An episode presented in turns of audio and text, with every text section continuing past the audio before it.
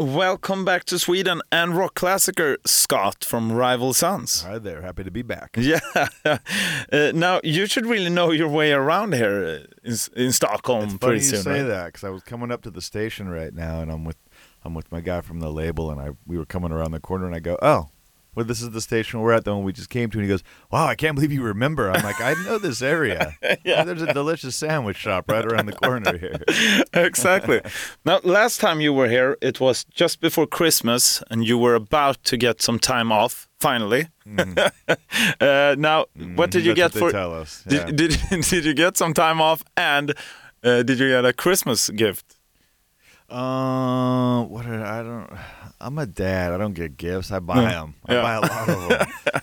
I got a little time off. Yeah, we we it's nothing really happens in the business during Christmas. It gets quiet, but we were working on the record coming out, so it was busy still at home. You know. Yeah, Um, time off, so to speak. yeah, so I'm, I'm off, and at least I am. I'm home, and I'm off, and I'm doing my thing at home. But it's still uh, every day is kind of like wake up and get the kids off to school and start to work, and I'm on the phone probably six hours, you know, straight in the morning, just going back and forth with Jay and the label and management and different people and getting things kind of organized and in order.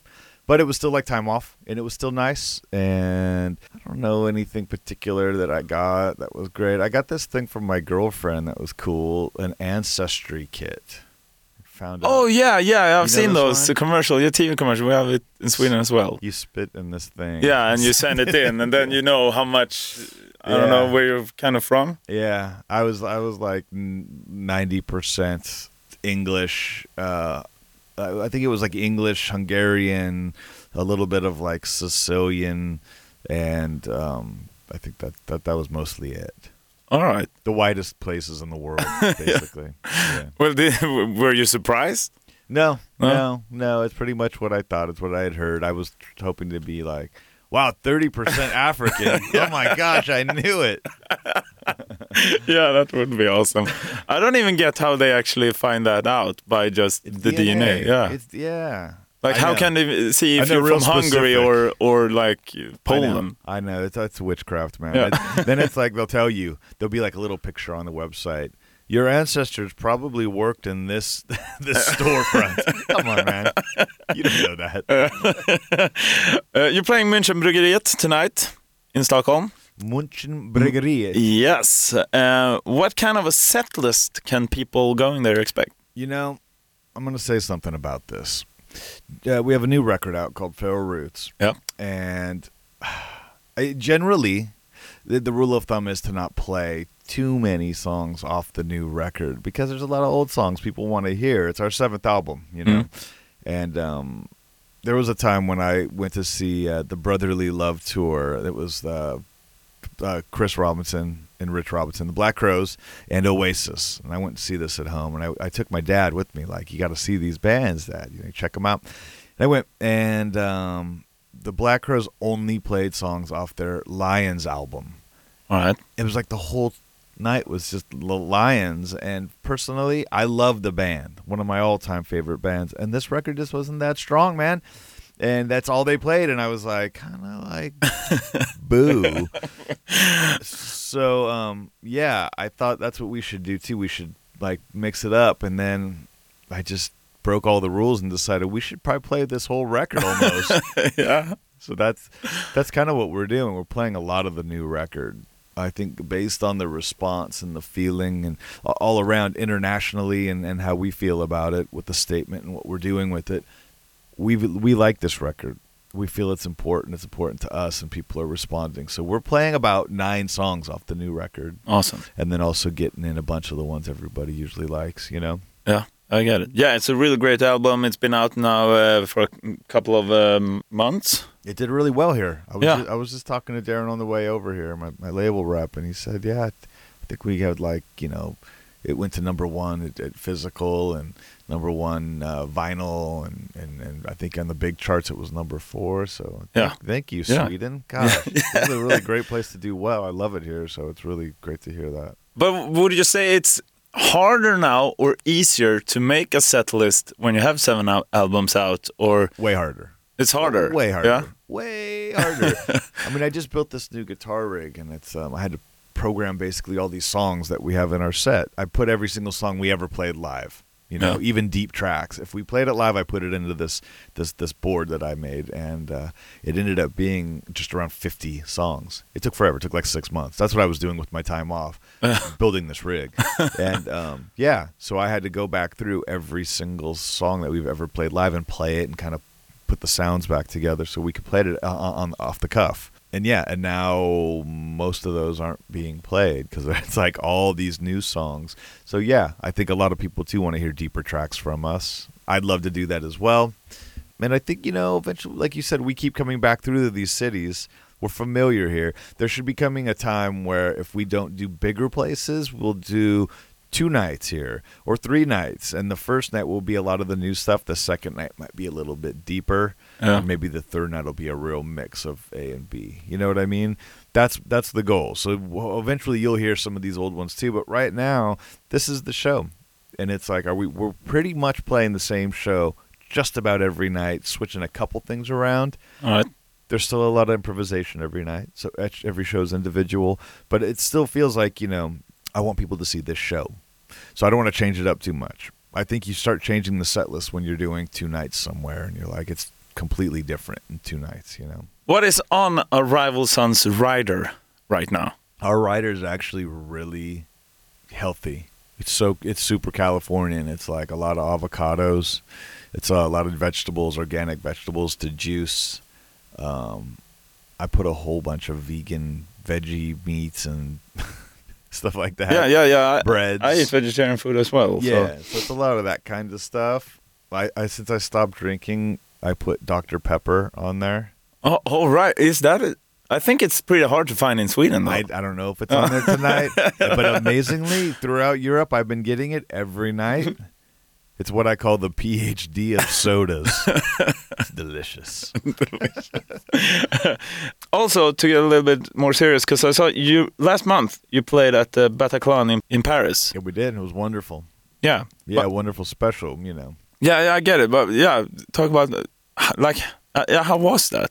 Yeah, it was fantastic. The show sold out pretty darn quick. We have a really, really wonderful French public. Um, and there's a lot of kind of feeling on this show for obvious reasons. I'm sure even all the listeners understand. And um, we were really, really excited to go there. And we had a specific song in our catalog that we felt would really be almost like dedicated to, to, to, to, to the Bataclan and to the French people. Yeah, which Um, which song was that? That was Shooting Stars. Yeah, Yeah, and um, you know, in London we brought a choir in to sing the song with us, and it went over really well. And we were going to do that in Paris, thinking this would be a really special thing to do.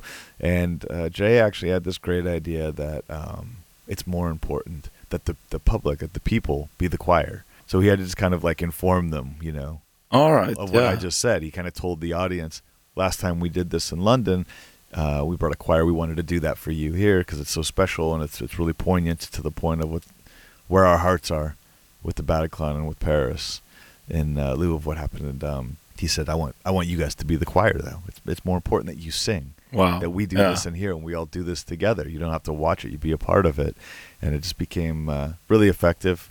It was really nice. to Yeah, that must have been really powerful. It's wonderful. Yeah. it's Yeah. wonderful. It's you know I don't want to be too schmaltzy. We're a rock and roll band, but at the same time, it's really great to see people cry and open up and feel something at a show.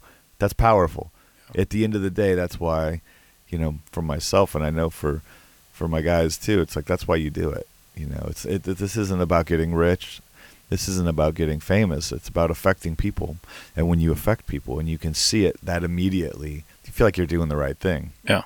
Yeah. Uh, now, Rolling Stones tour wasn't that long ago. Mm. Uh, how did you guys uh, get along? we we only met them very briefly as they're the Rolling Stones, man. Yeah, yeah, no, that's why I'm wondering. You don't just walk back into Keith's room and like, you know what I mean, grab a beer and hang out with them. Uh, He's, I mean, they're they're they're they're in their own area, just like a lot of these groups are. Even when we did Black Sabbath, you know, they're still in their own.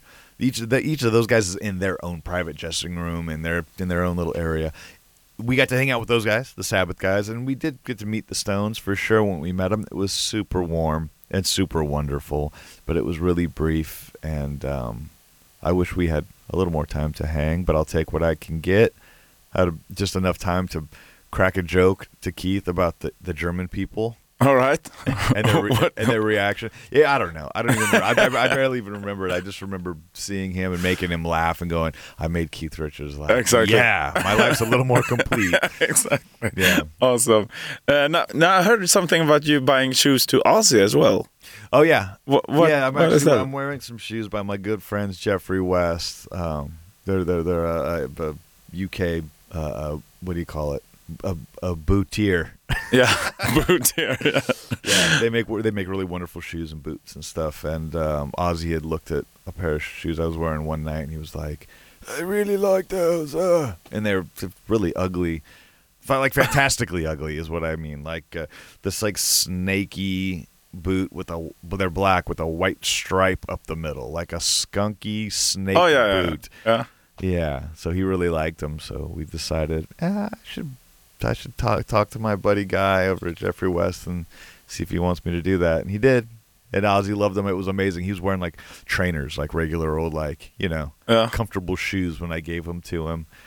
And he immediately went, "Oh my god! Like really? Thank you." He was really, really, you know, still really chuffed. And he sat down immediately and put them on. I'm like, that's so cool. yeah, yeah. now, now, as a band, Rival Sons, what are your goals and dreams right now?